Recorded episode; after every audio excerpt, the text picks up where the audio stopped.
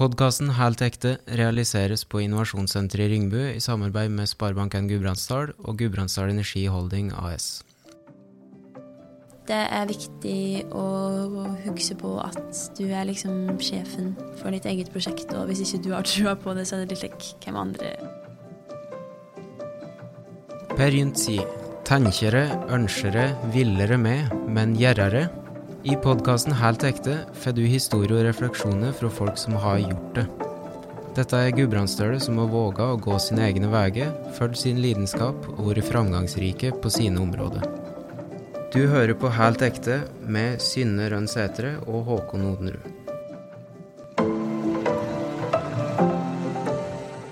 Dagens gjest og inspirerende gudbrandsdøl er Synne Vo.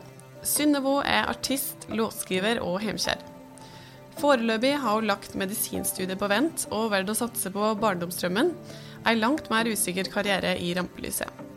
23-åringen fra Lesja slo for alvor gjennom i 2020 med låten 'Ikke tenk på meg', som ble avlysta på P3 og lå der i hele 21 uker.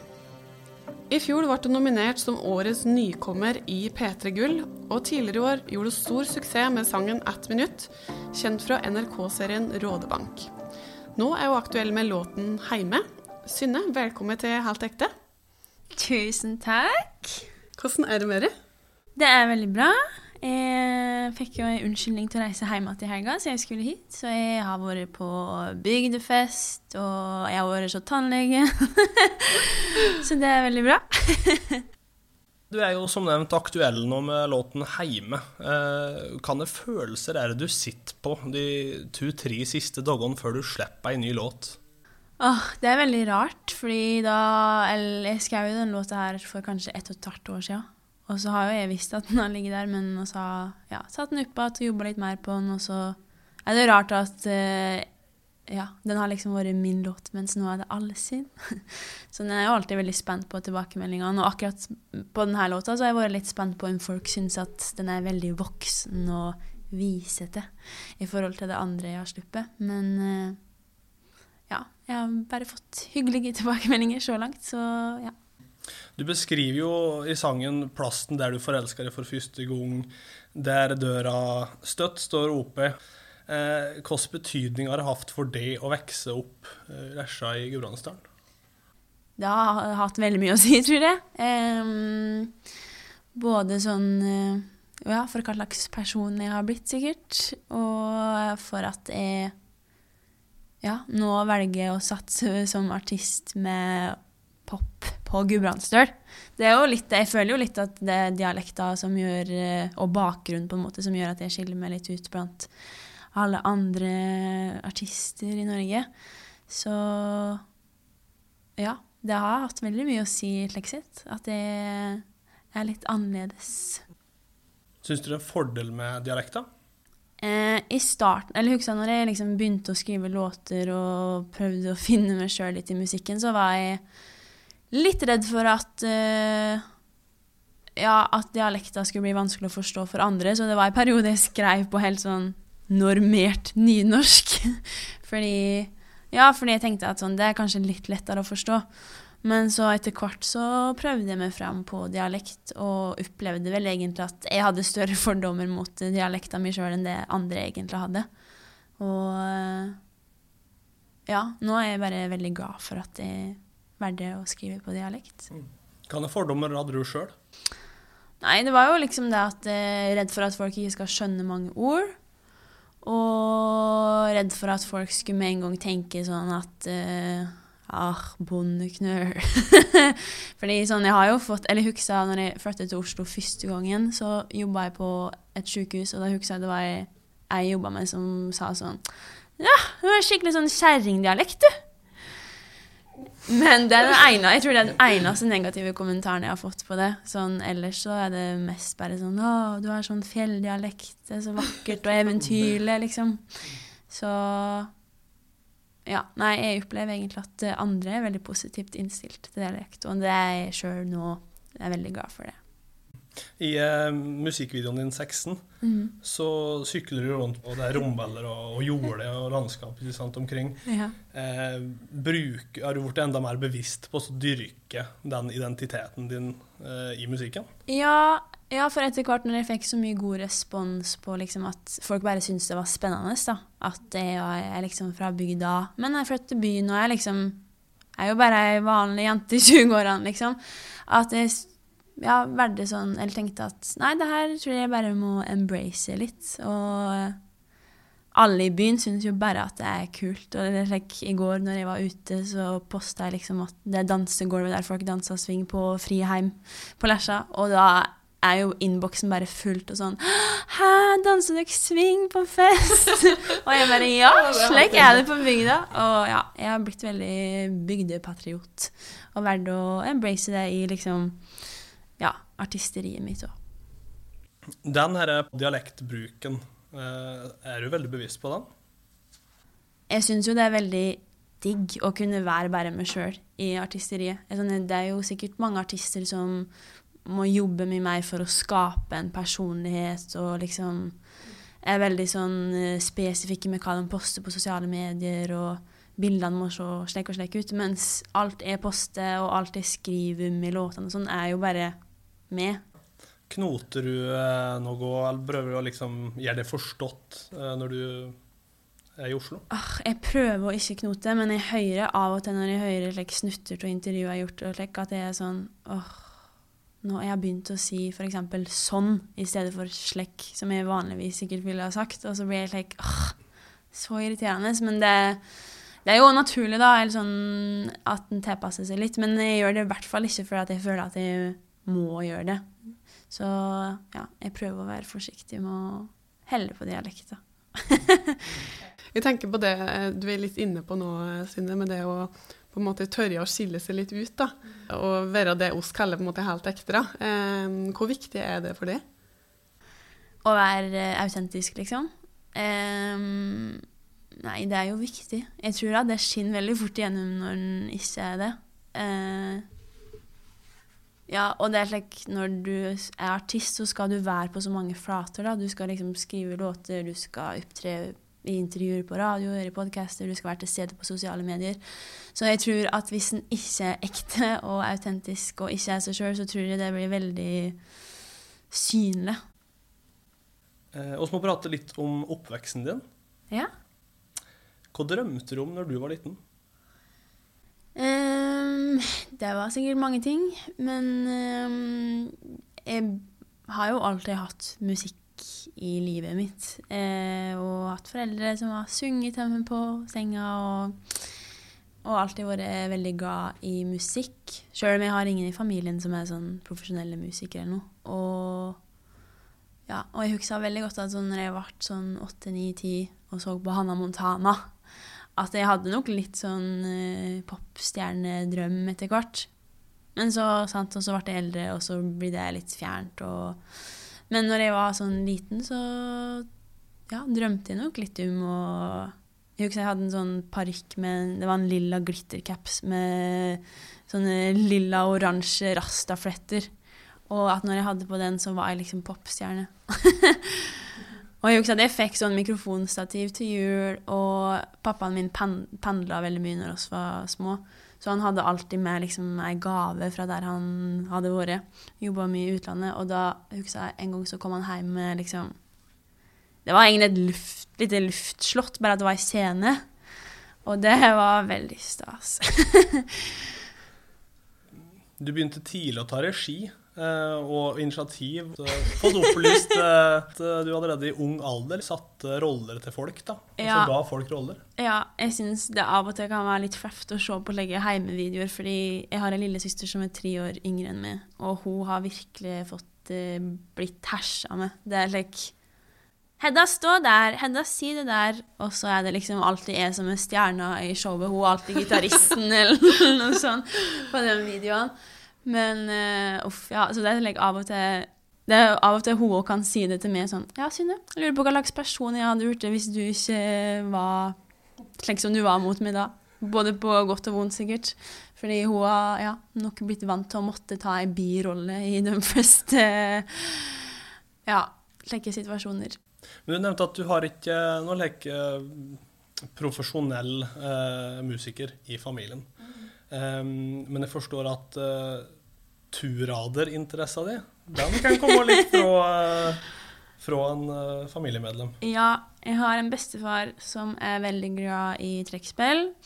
Og som har liksom gjort det til sitt mission å få hele barnebarnflokken til å Jeg tror han har tenkt at han skal ha sin egen toraderklubb. Okay. Så Nei da. Men så alle barnebarna har fått torader når vi er sånn sju-åtte år. Og har blitt påmeldt toraderkurs. Men problemet er bare at nå, begynner, nå er Jeg tror nesten alle er fylt sju eller jeg har en del yngre søskenbarn, men jeg tror alle har fått sin torader nå. Og jeg tror at jeg er den eneste som kan å spille torader, sjøl om alle besitter en torader. Så jeg tror jeg er den eneste som har lært meg det. Skjønner. Og, og, du har jo, jo laga et lekk eh, lynkurs som ligger på YouTube. Ja. der du vil uh, være med flere inn i den turraderklubben. Ja. Koster Jeg syns jo det er veldig koselig med toradermusikk sjøl, da. Det er veldig Hvis en legger godvilje til så er det jo et veldig anvendelig instrument som er det, det, må jo bli bra stemning hvis noen flekker opp en torader. Mm. Ja. Jeg liker at du drar fram det på nachspielet liksom, for å skape god stemning. Ja, det har kanskje blitt mer et partytriks, egentlig, enn det har blitt eh, et instrument jeg faktisk opptrer med. Men ja, jeg syns jo det er artig, da. Mm, du, På små plasser så er en jo gjerne avhengig av eh, ressurspersoner og ildsjeler som engasjeres innenfor ulike fritidstilbud. Hva har lokalsamfunnet betydd for eh, karrieren din så langt? Jeg tror det har hatt veldig, veldig, veldig mye å si. Um, sånn når jeg var sju, så begynte jeg i Lesja barnekor, som var kjempeartig. Eller sånn, oss var mange, mange jenter og et par gutter som gikk i det koret. Og det var liksom drevet av presten og organisten i Lesja kirke. Um, og de var bare så flinke. Og vi hadde så mye konserter, og vi hadde sånn temakonserter. Så en gang så hadde vi sånn Disney-konserter, og vi fikk liksom kle oss ut og synge alle Disney-sangene. Og en gang så hadde vi ABBA-konsert. Og oss reiste på turer til London og Tyskland. Og, og, så, ja, Det var skikkelig bra kor. Så det gjorde jo at jeg ville drive Eller jeg sang jo fra jeg var sånn sju til jeg var ferdig i tiende klasse. Var med i det koret fram til da. Eh, og han Paul Gunnar, som han organisten heter, da, han har vært med meg rundt på så mye rart. Og så mye rare spillejobber. Og jeg har vært med, dro han med meg på UKM. Og ja, så han har vært veldig viktig for at jeg har fortsatt å liksom drive med musikk. Um, ellers så er det jo mye annet, liksom ungdomsmusikalen, som jo blir sett opp i Gudbrandsdalen. Men jeg var i hvert fall med på det når jeg gikk i andre klasse på videregående, og da hadde jeg egentlig liksom lagt fra meg musikk litt, men når jeg var med på den og da, da, var det High School Musical on stage, og jeg hadde rolla som Gabriela Montez. og det liksom gjorde at jeg reflekterte mer over sånn Å, herregud, det hadde jo vært artig å jobbe med det her. Og fikk jo litt sånn Fikk jo litt nettverk og møtte dem, eller sånn de voksne som jobba med det, han regissøren og koreografen og slik, de var jo folk som jobba i liksom bransjer, da. Og det var veldig inspirerende. At den musikalen blir sett opp og jobba med så profesjonelt for ungdom, tror jeg har vært viktig for flere ungdommer fra Norddalen og Gudbrandsdalen. Det var i hvert fall ganske viktig for meg. Men jeg tenker, Du prater jo om at du, du, begynte jo ganske tidlig med sang og i kor. Når var du liksom forsto at du var god til å synge? Eller når, når følte du sjøl at dette her er liksom dette er noe jeg mestrer. Mm, jeg veit ikke, for jeg, jeg, tror ikke det er før seinere jeg har blitt god til å synge, for å være helt ærlig. Jeg tror kanskje at når jeg var yngre, så eh, reflekterte ikke så mye over det. Jeg bare syntes det var artig. Og så var mamma og liksom Ja, du skal få lov til å synge. Men jeg veit ikke om det alltid var så fint, egentlig. Eh, Så jeg vet ikke om jeg noen gang har tenkt at sånn, oh, det her er jeg så god til at jeg burde gjøre rundt en karriere. Det tror jeg ikke jeg tenk, har tenkt før sånn Jeg vet ikke om jeg tenker at jeg er så flink til å synge fortsatt. jeg tenker mest bare at jeg syns det er veldig artig å drive med, og etter jeg begynte å skrive egne låter, så hadde jeg gitt meg enda mer. Og det, jeg har mer sjøltillit på selve låtskrivinga enn jeg egentlig har på det å synge, på en måte. Det har jeg bare syntes har vært artig. Men eh, jeg husker jeg tenkte litt på det både på den, ja, når jeg var med på ungdomsmusikalen og når jeg begynte på folkehøgskole, at jeg er ikke den flinkeste vokalisten her. Det er veldig mange andre som er flinkere enn meg til å synge. Så Men du, vi må prate litt mer om det. Hvem er du, bortsett fra å være artist? Nei, hvem er jeg? Jeg er jo eh, 23 år. Og nei jeg, jeg tenker veldig mye. Um, som på godt og vondt. Så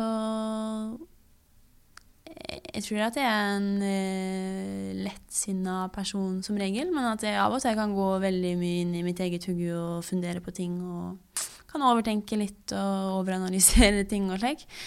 Uh, ellers så er jeg veldig familiekjær. Veldig glad i veldig takknemlig og glad i familien min og søstrene mine og foreldrene mine og, og venninnene mine. Veldig glad i ja, jeg har veldig mange fine venninner og kompiser. Men ja, jeg er oppsatt til å ta vare på de relasjonene. Dere i familien bor veldig tett eh, oppe i Lesja, gjør dere ikke det? Ja, Ja. Det, er, det, er litt, det er jo litt tilfeldig, men eh, jeg vokste opp der med foreldrene mine, som er et nedlagt gardsbruk, og på nabogården. Så den drev onkelen min før, og han hadde seks unger, altså, som da er mine søskenbarn, som var litt eldre enn meg når vi vokste opp. Men de ble som en liten ekstra søskenflokk, flokk med store søsken. Og nå har søskenbarnet mitt tatt over den gården, og så bor bestefaren min på, liksom i kårboligen, som det så fint heter, på den gården. Og så bor tante og onkelen min, altså ei anna tante og onkel, de bor liksom unga for oss. Så det er et sånn lite familieboligfelt der. Hva har den eh, oppveksten betydd for deg? Ah, det har vært skikkelig fint og veldig trygt og godt. Jeg hadde liksom alltid noen å gå opp til bussholdeplassen med, fordi ja, jeg alltid hadde en eldre søskenbarn som kunne følge oss opp. Og det har jo hatt mye å si for oss sånn, med sånn nå i ettertid òg, at uh, fikk et veldig nært forhold til alle de søskenbarna. Og nå bor jo mange av dem rundt omkring i landet, og flere av dem bor i Oslo. Så det var veldig trygt sånn nå når vi kom til Oslo at uh, Og så har jeg blitt invitert på søndagsmiddag av og til, og har noen å ringe til hvis vi ikke veit helt hvor vi er hen i byen. Og ja. Du hører på Helt ekte, og dette er 15 kjappe. Hvis du skulle reist hvor som helst i morgen, hvor reiser du? Det er kjedelig svar, men Maldivene, liksom. Hva er det beste komplimentet du har fått? Jeg veit ikke. Det er jo veldig trivelig å høre kompliment som går mer på personlighet, syns jeg. Og høre at eh, du er en varm og omtenksom person. Er du et A- eller B-menneske? Jeg er et A-menneske. Det betyr ikke at jeg klarer å stå opp tidlig eh, hver morgen, men jeg, jeg liker best det å ha morgenen. er egentlig den tida på dagen jeg setter mest pris på. Du kan tilbringe en hel dag med hvem som helst person. Hvem hadde det vært? Altså, jeg er faktisk veldig glad i å være i lag med mammaen min. Og så er liksom, Hun er mammaen min, og så er jeg veldig underholdt til henne. Så jeg kunne egentlig bare tenkt meg å være i lag med henne. Nevn tre ting du ikke kan leve uten. Eh, kaffe, sukker og eh, Altså, en er jo veldig avhengig av telefon, da. Selv om det er et kjedelig svar, så er jeg det. Dessverre. Favorittfilm? Jeg har sett veldig lite filmer. Det, det var en eller annen chick flick. Det er de filmene. Jeg liker, jeg liker chick flicks, da. Det er sånn uanstrengt. Men sånn, hvis jeg må se en sånn psykologisk thriller eller noe ah, Nei, jeg orker ikke. Eh, nei eh, Sex and the City, da. Det Da liksom sitter jeg igjen med bare gode følelser. Det liker jeg. favorittstedet i Gudbrandsdalen? Mm, altså, å være på Lesja og gå opp til Tussheimbue, da får du sånn panoramautsikt over hele bygda. Det er, altså, det er veldig flott og fint, og da føles alle problemer bare så små når du står oppe der og bare ser utover alt. Eh, ville du hatt en høglytt eller nysgjerrig nabo? Nysgjerrig nabo. Ja. Hoppe i fallskjerm eller gå Birken på ski? Eh, jeg har faktisk hoppa tandem, da. Det ville heller gjort det en gang til enn å gått Birken. Eta ute eller eta hjemme? Det er ingenting jeg syns er triveligere enn å liksom logge et ordentlig godt måltid hjemme med fine folk. Så heller det. Mm. Vin eller øl? Vin. Øl har jeg ikke klart å lære meg å like ennå. Støtt eh, 20 minutter for tidlig ute eller 10 minutter for sen? Støtt 20 minutter for tidlig ute. Vaske gulv eller skifte dekk? Uh, vaske gulv. Eh, New York eller Rondane? Jeg ja takk, begge deler.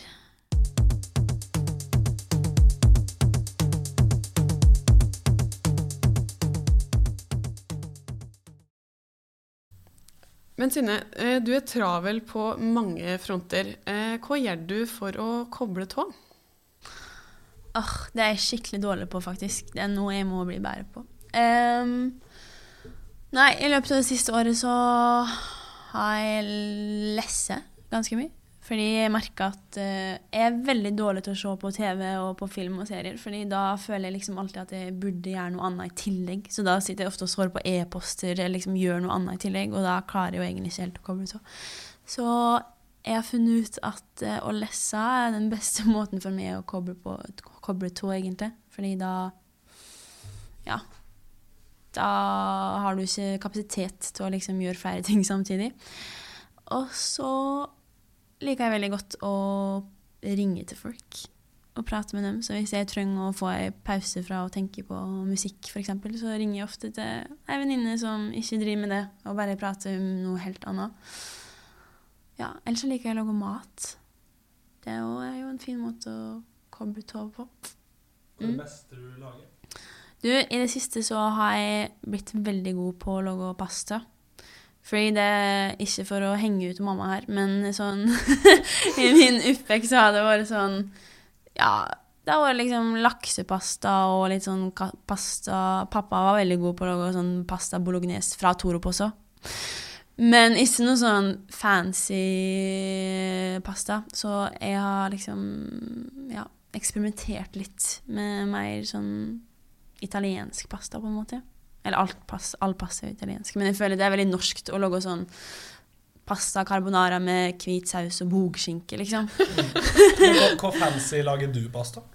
Nei, ikke, det er ikke så fancy, men det er bare annerledes. Eller det jeg liker, den jeg liker best, er liksom bare pasta eh, med bare sånn Jeg bare slenger oppi litt løk og tomater og noen skikkelig gode olivener og litt rau pesto og fløyte og parmesan, egentlig.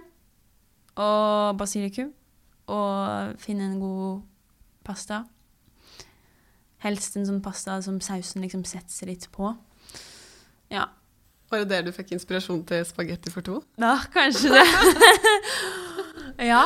Jeg syns jo det er veldig Det er òg veldig romantisk å lage pasta. Det er jo det beste å kunne servere en date.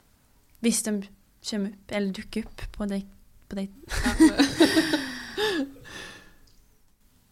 Mattelæreren din fra videregående, en eh, Lars Tressum, han har jobba på Gjelleid nå i eh, 41 år, fra 1976 til 2017. Herregud, tenk på det. Og han omtaler jo det som en stjerneelev, og kan ikke komme i haug og gitt det noe annet enn seksere på videregående. Sa han det?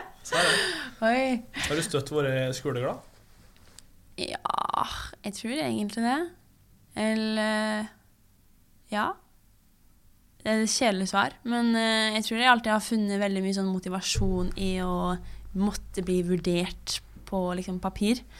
At jeg syns at det har vært veldig sånn, ja, tilfredsstillende og konkret å jobbe mot. Han har jo også fortalt oss at en han heller ville hatt det som kirurg eller, eller en popartist. Ja. Og at du ikke må kaste bort hugget ditt på underholdningsbransjen. Hva, hva tenker du om det? Nei, jeg tenker at eh, det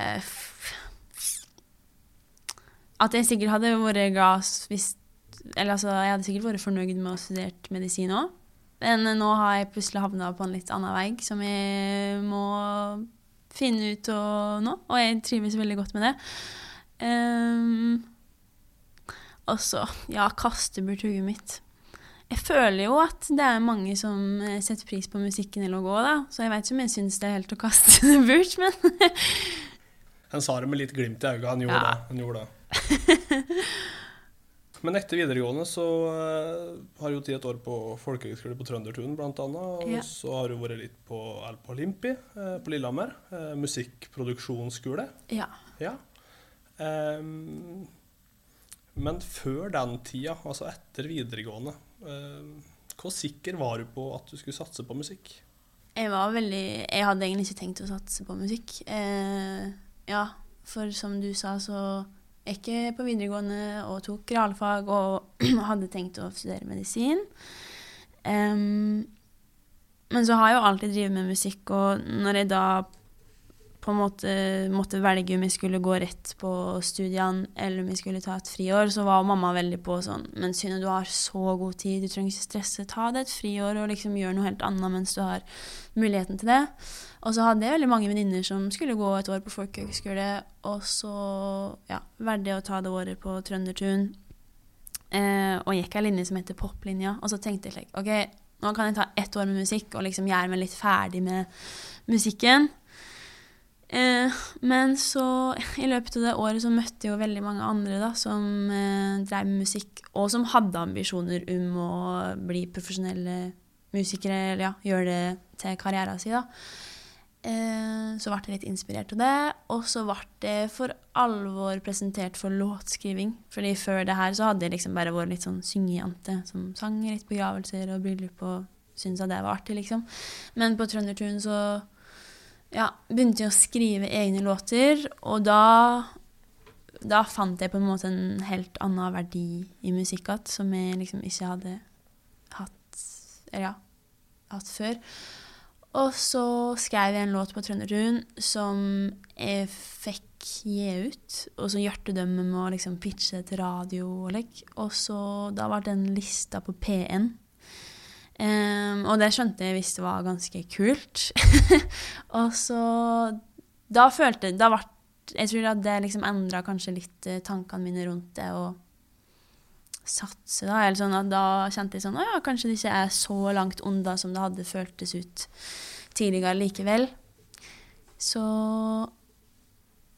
og så flyttet jeg til Oslo etter Trøndertun og tenkte at sånn, ok, men jeg kan jo prøve denne musikkgreia litt lenger da, for å se hvor det tar med hen. For jeg har jo fortsatt god tid, tenkte jeg.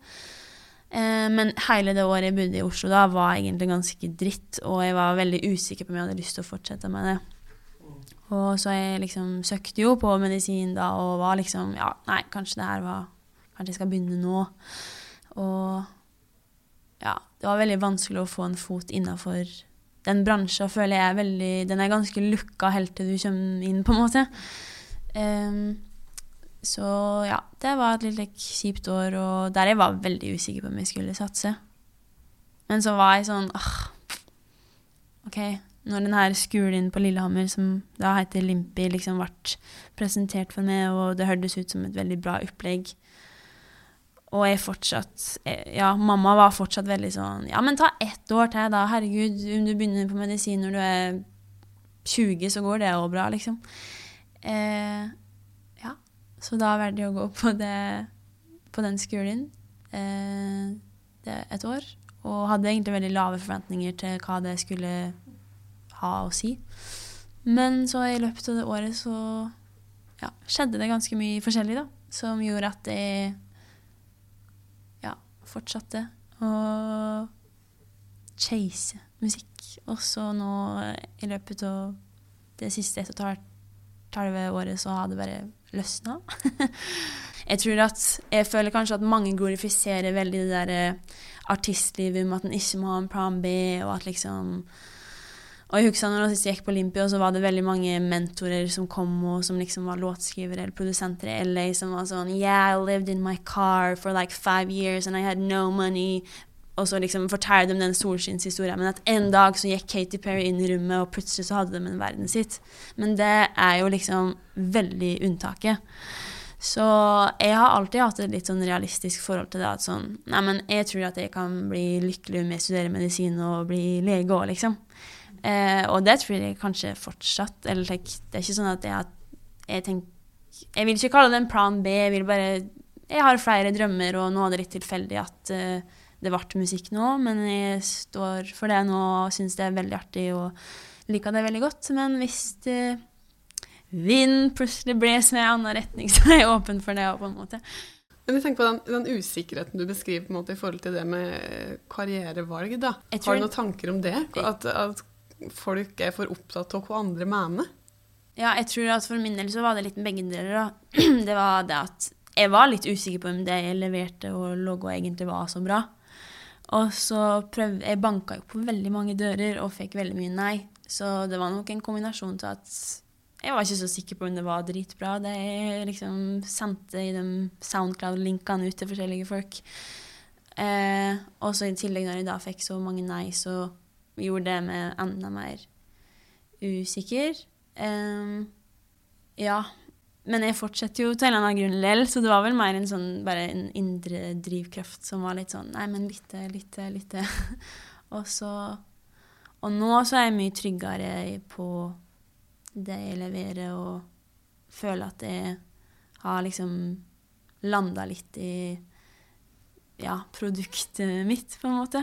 Men det tok veldig lang tid å komme frem til at jeg med hånda på hjertet kan si at jeg syns at det logoet er veldig bra. For det syns jeg jo nå, men jeg gjorde ikke det for sånn tre-fire år siden. Eller sånn de låtene jeg skrev, for eksempel. For sånn to-tre år siden syns jeg er skikkelig dårlig. Og det visste jeg egentlig litt da òg. At jeg var sånn Ja, nei, det er ikke helt det her jeg skal gjøre. Når du prater på å banke på dører og, og sende lydfiler og klipp altså Når du er på det tidspunktet da litt like, ukjent artist og ønsker å etablere det, eh, hvem sender du filer til, og, og, hva er det du sender? Er det ferdigproduserte sanger?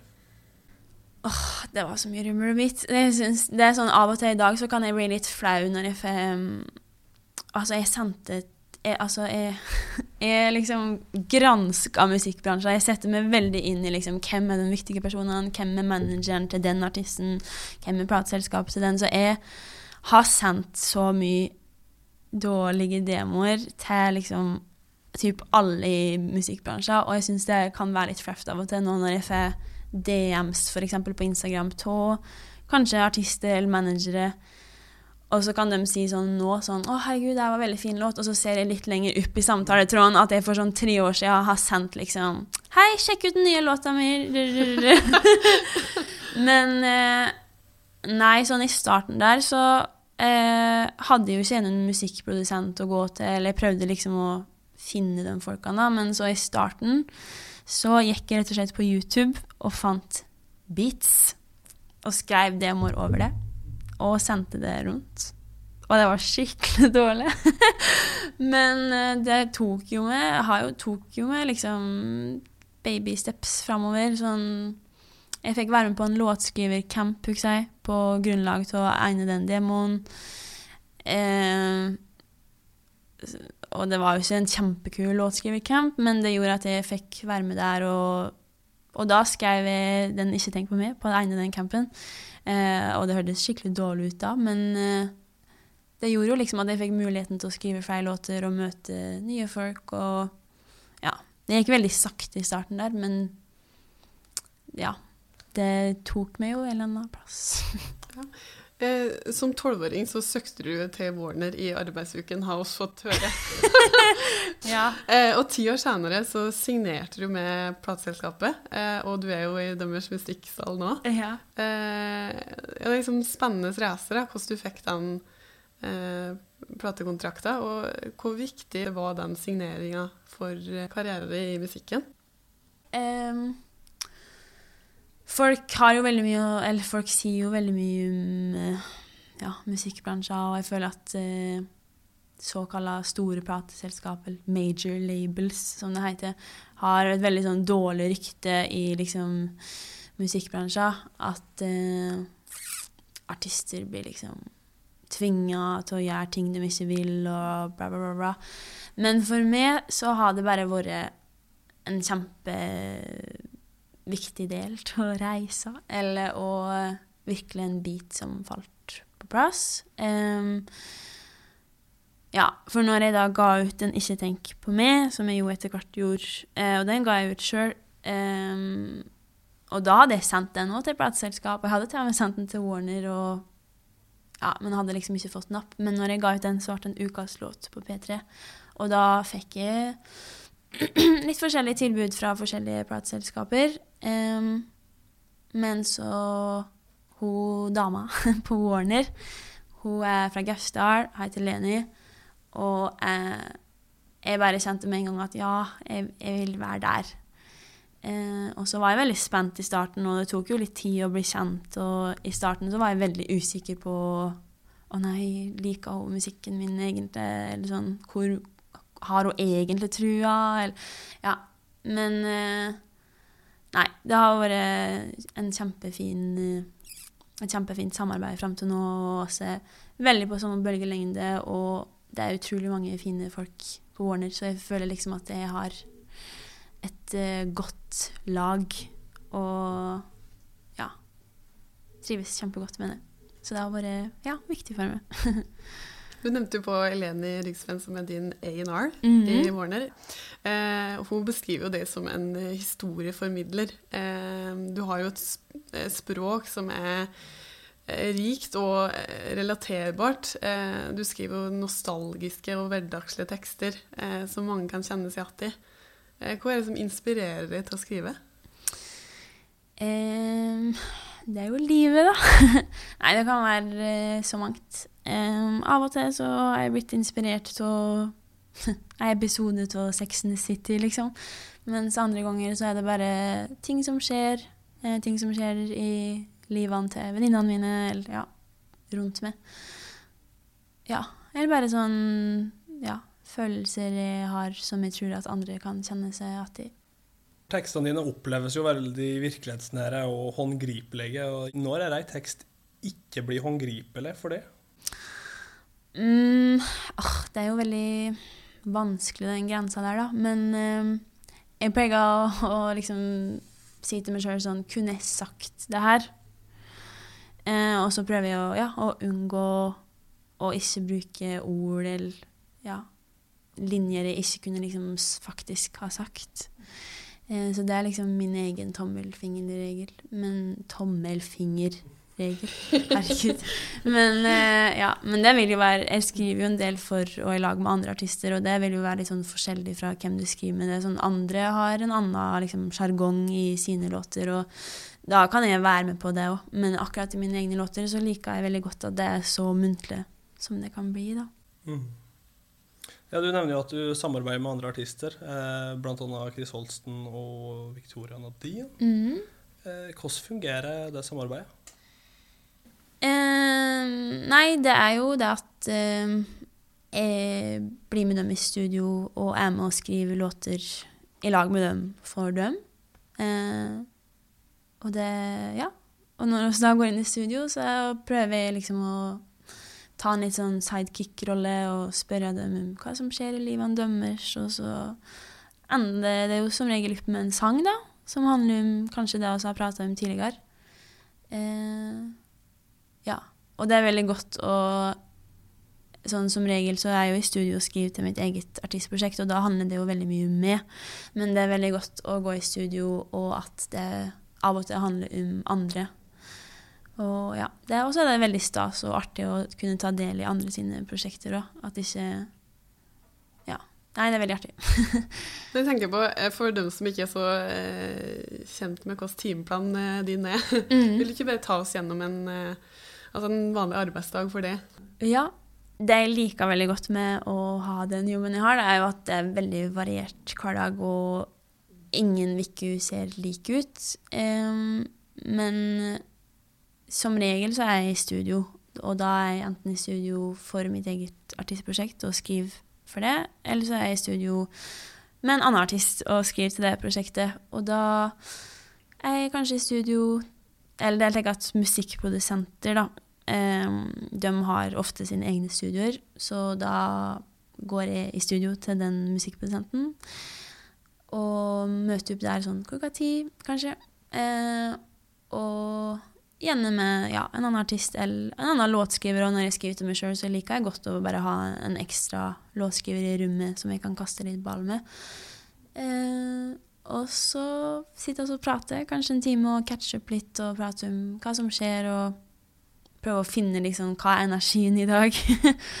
og så finne oss som regel bare å klimpre litt på et piano eller en gitar, og plutselig så si 'Nuggen er kul tekstlinjer.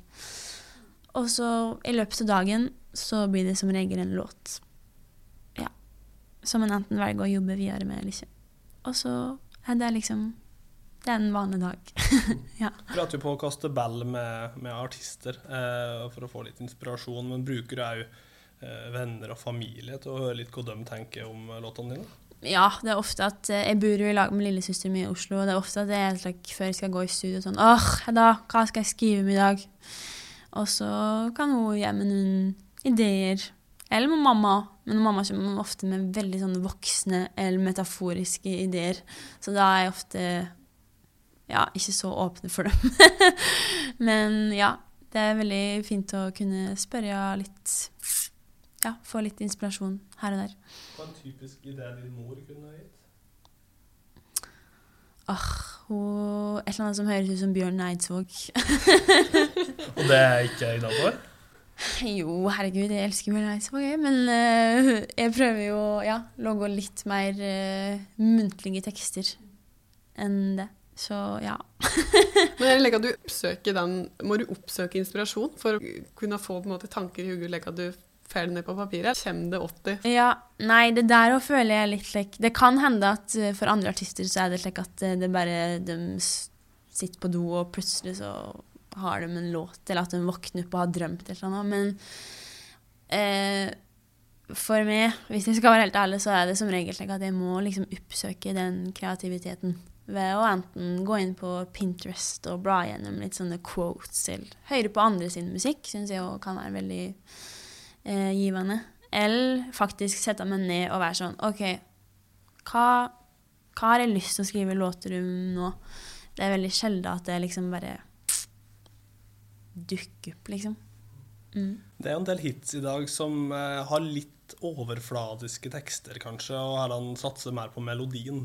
Eh, hvor viktig er det samspillet der, mener du? Altså, hvor mye betyr tekst, og hvor mye betyr en god melodi? Ah, jeg, jeg, jeg er veldig opptatt av begge deler, da. Jeg tror nok kanskje at tekst kommer først for meg, eller at det er viktigst. Hvis jeg ikke har noe jeg vil si, så har jeg ikke noe Eller da syns jeg det er vanskelig å skrive en låt, fordi det føles bare litt meningsløst.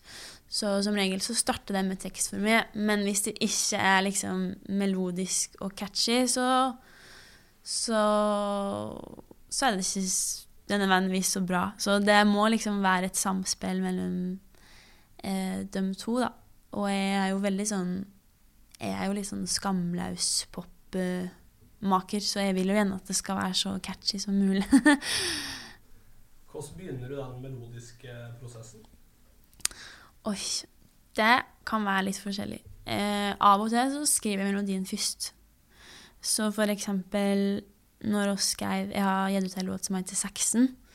Så var jeg i studio med to svensker, og da er det litt vanskelig å diskutere teksten, eller liksom linjer først, fordi de tenker jo på svensk. Så da husker jeg at vi bare hadde prata om at jeg hadde veldig lyst til å skrive en låt om at jeg er veldig nostalgisk overfor ungdomstida mi. Eh, og at jeg følte at året 2013-2014, når jeg var 16, var liksom Da pika det for meg. så, og så hadde jeg pratet om at jeg hadde lyst til å skrive en låt om det, og så han produsenten satte seg ned og laga et slags bassriff. Og da skrev oss hele melodien i sånn såkalla gibberish, eller sånn sangen var bare sånn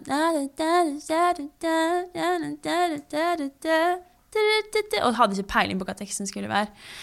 Eh, og så liksom, når vi hadde melodien på plass, så gikk vi tilbake til det tematikken vår var sånn OK, men hva med liksom Ung og dum og sjuk Og da kom liksom teksten Tekstideen kom først, men så kom melodien, og så kom teksten etter det.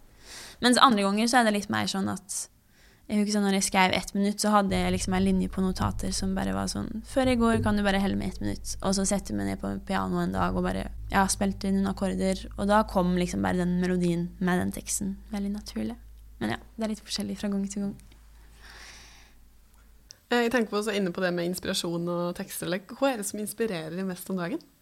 Jeg har hatt litt sånn Jeg skrev veldig mye låter i fjor, og følte kanskje at eh, jeg gikk litt Eller sånn Ja, i fjor så hadde jeg veldig mange ideer på liksom, notatene mine på telefon, men sånn nå så har jeg gått litt tom for sånn de der åpenbare ideene.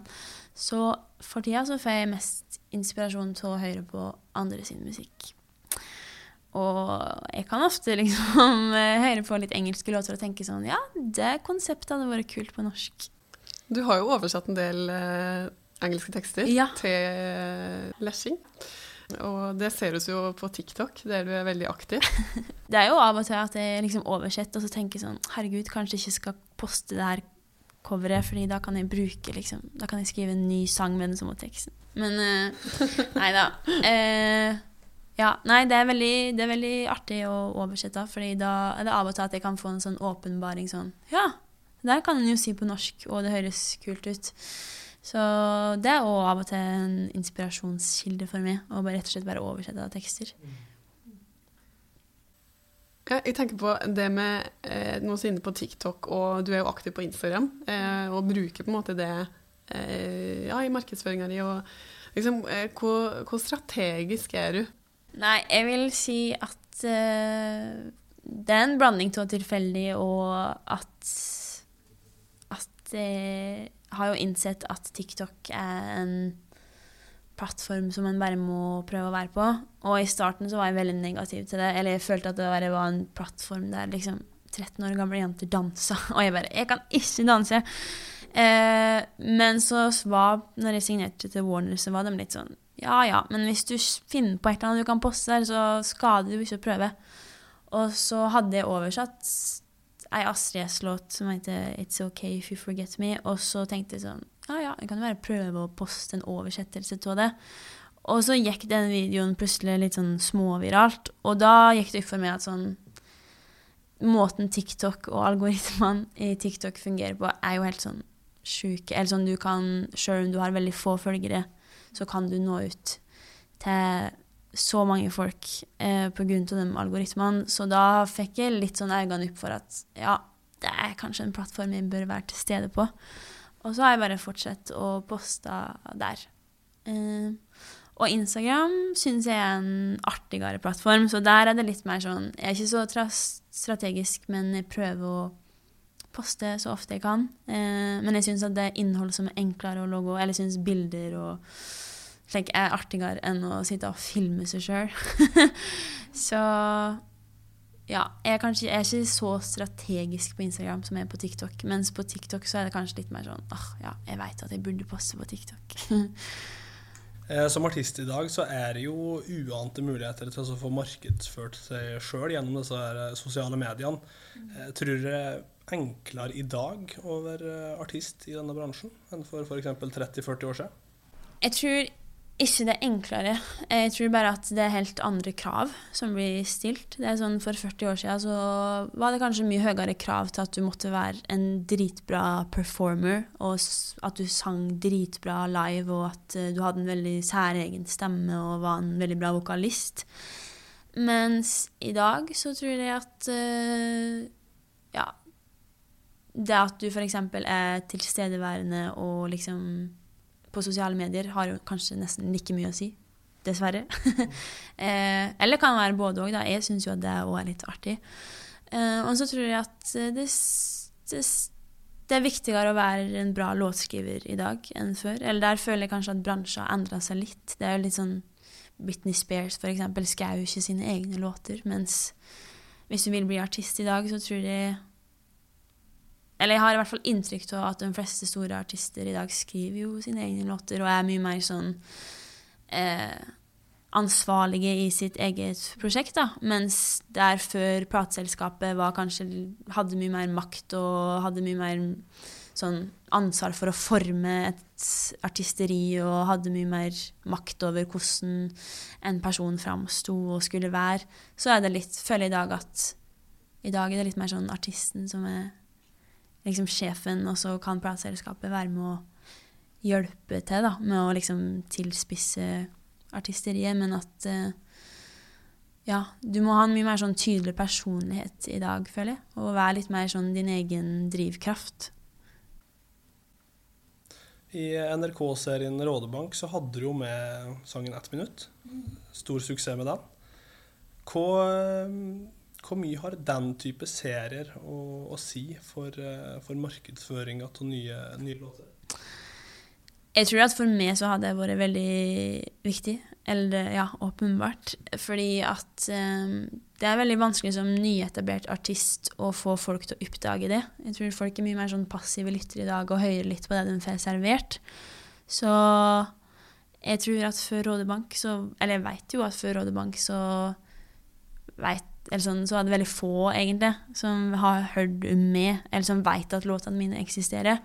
Mens det at ett minutt ble brukt i Rådebank, gjorde jo bare at uh, mange flere ble uh, gjort bevisst på at uh, denne låten fins, du kan høre på den.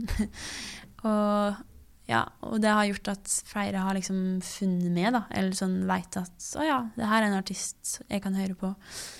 Så jeg tror at for min del så er det hadde vært veldig viktig. Og jeg ser jo det nå sånn med den låta jeg akkurat slapp hjemme, at uh, det er mange flere som nå veit hvem jeg er. Hvordan er prosessen fram til at den låta er på skjermen? Det, det, var, det var, litt rart, egentlig, fordi før Eller jeg har vært veldig fan av Rådebank. Da. Jeg syns det var utrolig forfriskende med en serie som handla om bygda, men som ikke var så karikert som alt Eller som jeg føler at mye annet ja, ja, underholdning eller filmatiseringer av bygda var. Syns den her var veldig fin. Så jeg sendte faktisk en DM på manusforfatteren og skrev at herregud, jeg elsker den serien her. liksom Utrolig bra jobba. Eh, og så sa jeg sånn liksom, Det hadde vært stas å samarbeide og fått skrevet noe musikk til den serien. Og så sa hun 'Det er hyggelig, jeg skal notere med det', liksom. Og så hørte jeg ingenting mer. og så var jeg litt sånn oh, herregud, kanskje det var litt teit å sende det. Um, og så, nå etter jul, så så jeg at liksom det kom sånn på VG og sånn at ja, nå er tredje sesong til Rådebank klar og ferdig, liksom. Og da tenkte jeg sånn å nei, det blir ikke det, liksom. Men så fikk jeg plutselig en melding på Instagram av manusforfatteren som skrev at eh, vil bare si at oss har brukt ett minutt i ei scene i Rådebank, og den ble veldig fin. Jeg håper du liker det like godt som oss gjør. Og så fikk jeg ikke sett det før en episode var ute sjøl. Og ja. Det var egentlig det som var prosessen, fordi Rådebank er jo en NRK-produksjon, og NRK har veldig sånn ja, ganske frie lisenser Eller sånn, de kan bruke musikk litt sånn som de vil, så de trengte ikke noe klarering fra meg eller noe sånt for å få brukt den låta. Så ja. Du har jo oppnådd utrolig mye på eh, få år, eller det siste året. Hva er ditt høydepunkt eh, ja, personlig og karrieremessig så langt? Oi, det er et godt spørsmål. Jeg tror det er vanskelig å velge ut ett, da. Fordi jeg syns det har vært veldig artig å få være låtskriver for Ja, jeg har jobba med ja, veldig mange artister, men kanskje spesielt da for Chris og Victoria. Eh, som både har gitt ut låter, som også har skrevet i lag, som har gjort det veldig bra og betydd litt for mange. Eh, eller sånn Ja, de låtene som Chris har gitt ut, syns jeg har vært veldig ærlige og tror han har fått veldig mye respons på at sånn Ja, det handler jo litt om sånn psykisk helse og menn og ja. Og at det føles veldig meningsfylt da, å ha vært en del av de låtene. Og det samme med Ja, den låta jeg skrev med Victoria, var en julesang, eller en julelåt, som heter 'Du er ikke alene', som handler liksom om eh, at det, du er ikke alene, eller OK hvis du òg syns at desember kan føles litt lang og tung, fordi du blir påminnet kanskje alt som ikke er så bra i jula òg. Og det òg føltes bare ut som en veldig viktig sang å ha skrevet, da. Eh, så ja, Og har fått være med i Dømmers sine prosjekt har føltes ut som høydepunkter. Um, ja, og så er jo det at sånn som Chris har gjort Spellemannsdominert og fikk årets låt på P3, det er liksom bare bonuser. Eller sånn, det er jo veldig Ja, det er jo kult å liksom være med på det òg, men bare sånn generelt å ha fått være med, ja, føles ut som høydepunkter. Og så sånn for min egen del så er jo den her eh, Rådebank-scenen om ett minutt har jo virkelig vært et høydepunkt og så syns jeg det er veldig stas nå at Heime og den Heime-låta, som er kanskje den låta jeg ja, som jeg har skrevet til mitt eget artistprosjekt som jeg er mest glad i, syns det var veldig artig at den har liksom truffet så mange. da, fordi jeg var litt bekymra for at åh, er den litt ekskluderende for alle som kommer fra Oslo eller kommer fra byen. Men eh, nei, det virka som at veldig mange har relatert til det nå, og det er jo, er jo alltid veldig stas. Når du får gode tilbakemeldinger og låter blir nominert, og du skal motta priser og P3 Gull, ikke sant, da bør du gjerne med mor og far. Ja. Jeg fikk med mamma på P3 Gull i fjor høst, og jeg tror både jeg og hun syntes at det var veldig stas. Og ja, altså jeg har, jo, jeg har jo veldig mange støttespillere og folk jeg jobber med, og som er men jeg tenker jo at mamma har nok vært den viktigste sånn, støttespilleren for meg ja, gjennom hele livet. så det var viktig for meg at, eh, at, hun kunne få være med på det òg. Hva har hun betydd for deg? Mm, nei, altså utover bare det å være verdens beste mamma. så sånn i denne sammenhengen så er det jo hun som har gjort at jeg har turt å ja, satse på musikk og gi det litt tid og Ja, Altså, jeg tror jo at de fleste foreldre er jo veldig støttende eh, overfor hva liksom, ungene deres vil, og de fleste vil vel bare at eh, ungene deres skal være lykkelige. Men det, jeg vet jo at det fins ja, foreldre som har veldig lyst til at ungene skal gjøre noe veldig akademisk eller ha litt formeninger om hva de skal gjøre, mens der har mine foreldre vært veldig ja, åpne. Og, ja, og mamma har vært litt sånn ja, men gjør musikk et år til nå. OK, du tjener null kroner på det, men det går bra. Ta et år til, liksom. eh, gjennom et liv og karri en karriere så møter en både oppturer og nedturer. Eh, hva er det tyngste, eh, kanskje det mest utfordrende du har møtt på så langt? Nei, altså Jeg har, jeg har jo sagt litt under, men det året jeg bodde i Oslo etter jeg var ferdig på folkehøgskole, var litt sånn slag i trynet. Eller sånn en er jo veldig skjerma når du har liksom bodd på bygda i alle dine første 18 leveår, og du går på videregående, og du liksom veit alltid hva det neste steget er, da. Eh, men når jeg da var ferdig på folkehøgskolen, så var det litt sånn Å ja, shit. Nå må jeg begynne å ta litt valg her. eh, og da valgte jeg jo sjøl å flytte til Oslo, og flytte inn med to venninner, og fikk meg en jobb som pleieassistent på ja, et sykehus og Men det var bare sånn åh, det føltes veldig ja, vanskelig Eller sånn, litt sånn ensomt, for jeg hadde ikke noe sånn miljø å gå til. Jeg studerte jo ikke med noen. Og ja, jeg jobba på et sykehus, men det var liksom ikke Jeg gikk liksom ikke ut og festa med dem jeg jobba med der om helgene, på en måte. Og ja, det føltes litt ensomt, bare. Og jeg var jo veldig usikker på om jeg skulle drive med det her, og om det egentlig gjorde meg så lykkelig, fordi det var jo ikke så artig når ja, når du ikke kjente så mange og visste ikke helt hvor den skulle gå til. Så jeg tror det Det er jo ikke en konkret nedtur, men det var bare sånn Da var det litt sånn kjipt, og ting var veldig usikkert. Hvordan gjorde du det? Eh, nei, det er et godt spørsmål. Jeg tror jeg ikke. Jeg tror jeg bare hadde en følelse av at noe mer måtte skje før jeg kunne hjemme, liksom. Um, så når, og, så, ja, og så begynte jeg på Limpi, og da var det jo mye mer håndfast med en gang. Sånn, da møtte jeg opp på skolen hver dag, og det var et miljø, og så var 50 elever som vi vært veldig godt kjent med. og da, Jeg tror at det å liksom ha rutine og ha noe å møte opp, det er veldig viktig da, eh, for alle sin syke og alle sin hverdag. Så jeg tror bare det gjorde det litt sånn lettere. Er du en eh, strukturert person som er glad i rutiner? Både òg. Eh, jeg tror at folk jeg jobber med, tenker at jeg er veldig sånn organisator og har alt på stell og har kontroll på økonomien min og jeg fører mitt eget regnskap og sånn. Og så veit jeg at sånn som lillesøsteren min syns jeg er verdens største rothugge. Men jeg føler at jeg har liksom system og kontroll på de tingene jeg må ha kontroll på. Og så eh, Det som det ikke er så farlig med, har jeg kanskje en tendens til å la Ja. Å være, det kan bli litt rotete for meg. Jeg husker f.eks. veldig sjelden hvor jeg legger bankkortet og nøklene mine. kan det ting er ikke er så farlig med? Nei, for eksempel å ha det ryddig Jo, altså, det er ikke så ille, men sånn lillesøster mi er veldig glad i å vaske og ha det ryddig og veldig opptatt av interiør. Og jeg òg er egentlig det, men det er bare at det skjer så mye annet i hverdagen min, så jeg, bare har kanskje ikke så mye kapasitet til å bry meg så mye om det.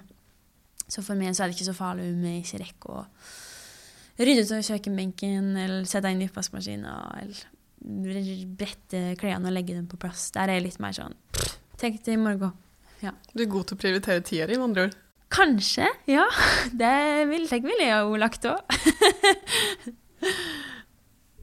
du prater om det året ditt i Oslo. Det kan jo være andre erfaringer du har gjort det, som du har på en måte lært noe av her. Var det et slikt type år? Som du ikke ville vært foruten, på en måte? Ja, nei, absolutt. Og jeg kjenner jo det nå at uh, jeg setter jo veldig sånn Mange tror kanskje at ting har skjedd veldig fort. Eh, og det har jo det når ting har først begynt å skje, men jeg har jo jobba for det veldig lenge, og det føles jo på en måte godt og at eh, Ja, men jeg har vært der nede på bunnen, og, og, det har liksom tatt meg en plass, og at jeg er kanskje enda mer takknemlig nå for alt som skjer, for jeg veit òg hvordan det kan være. Og ja. Eh, så absolutt. Og jeg føler jo at jeg har lært meg liksom å ja, være min egen drivkraft og ja, kontakte folk på mail og ikke være redd for Jeg føler at jeg har blitt litt mer sånn hardhua. At jeg tåler at folk sier nei, eller jeg tåler at ikke alle liker meg. Fordi ja, jeg har opplevd det og veit at det er ikke så farlig. Eller sånn, det går bra. Ja. Hvilke tanker har du om framtida, Synne? Er du veldig slik at du har den artistjobben din nå, og så lar du medisinen bare vente og ser litt an, eller hvordan er ståa? Jeg er litt åpen. Akkurat nå så trives jeg veldig veldig godt med musikk. Fordi ja, ballen ruller jo, og det føles Det er jo fortsatt uforutsigbart, men jeg vet jo på en måte at de, jeg vet jo hva det neste året og kanskje de neste to årene vil bringe. Og det er i hvert fall en viss trygghet. Så akkurat nå så er jeg veldig sånn komfortabel med at sånn Ja, men jeg er artist og låtskriver, og jeg tør å kalle meg det og si at ja, men ja, at nå går jeg for det. Men hvis det liksom om fem-seks år eller om ti år plutselig finner meg sjøl og Eller sånn, ja, finner ut at jeg ikke har det så bra lenger, eller at noe endrer seg, eller at Så jeg liksom syns at folk ikke skal være så redde for å liksom endre drømmene sine. Eller sånn, hvis du, bare, hvis du plutselig ikke gjør det lykkelig lenger, så ikke gjør det fordi at du har sagt, gått rundt og sagt til alle andre at du skal bli det, eller er redd for at hva alle andre vil synes. da. Så jeg er litt sånn åpen hvis jeg en dag ikke er lykkelig i det her lenger, så er jeg ikke noe redd for å endre kurs. på en måte. Men syns du det er viktig å si uh, målsettinger og ambisjoner høyt? Liksom at nå går det for deg? Er det Liker å legge press på deg sjøl? Ja. Det, det, tror jeg er bra. Eh, men jeg tror òg at det er ikke så farlig hvis det ikke går som du har tenkt til. Eh, men jeg tror absolutt det er bra å liksom si til seg sjøl litt eh, Ja, og tørre å si ting høyt, da. At det kanskje òg gjør at du setter inn et ekstra gir fordi sånn Ja, nå har jeg sagt det. så nå Hva tenker du blir viktige egenskaper for å lykkes i musikkbransjen framover? Åh, det er jo en bransje som er sånn i stadig endring, da. Det er sånn, TikTok fantes jo ikke for sånn Eller ja, nå vet jeg ikke hvor lenge siden det er, men sånn for tre år siden så var jo ikke det like stort som nå, og nå er det plutselig sånn Kanskje en av de viktigste verktøyene i musikkbransjen. Men jeg tror bare at det er viktig å huske på at du er liksom sjefen for ditt eget prosjekt, og hvis ikke du har trua på det, så er det litt like hvem andre Eller ja. At du må ta litt ansvar for uh, framdrifta sjøl, og ikke tenke at alle andre skal gjøre det for det. Og um, ja, og så er det jo Ja, jeg tror jo at det der med å være til stede på sosiale medier ikke akkurat kommer til å bli en mindre ting. Jeg tror at du må like det litt, eller klare i hvert fall finne litt glede i den delen av det òg, da. Sjøl om jeg vet jo at mange artister er sånn åh, jeg skulle ønske jeg bare kunne logge musikk, og at det var nok. Men det Ja. Det Ja, jeg tror jo at det fortsatt vil være ganske viktig. Trives du med det? Både òg. Jeg syns jo at det er artig. Jeg syns jo Ja. Jeg synes, det er bare meg da at det blir veldig mye. Og både Det føles veldig ja, ut som en fulltidsjobb da, og både skulle liksom poste på TikTok hver dag og poste på Instagram, og i tillegg skal du skape musikk og uh, ha spillejobber og stille opp på intervjuer, og at det kan bli litt mye sånn sett. Men jeg syns det er artig når jeg først har tid. Men ja, og jeg ikke føler at det er et stressmoment. Mm. Hvor eh, ser dere sjøl om eh, ti år da, Synne? Oi. Ti år, da er jeg 33. Mm, nei, altså, jeg håper jo at eh, jeg kan klare å logge ei bærekraftig karriere som artist og låtskriver. Det er jo det jeg har mest lyst til.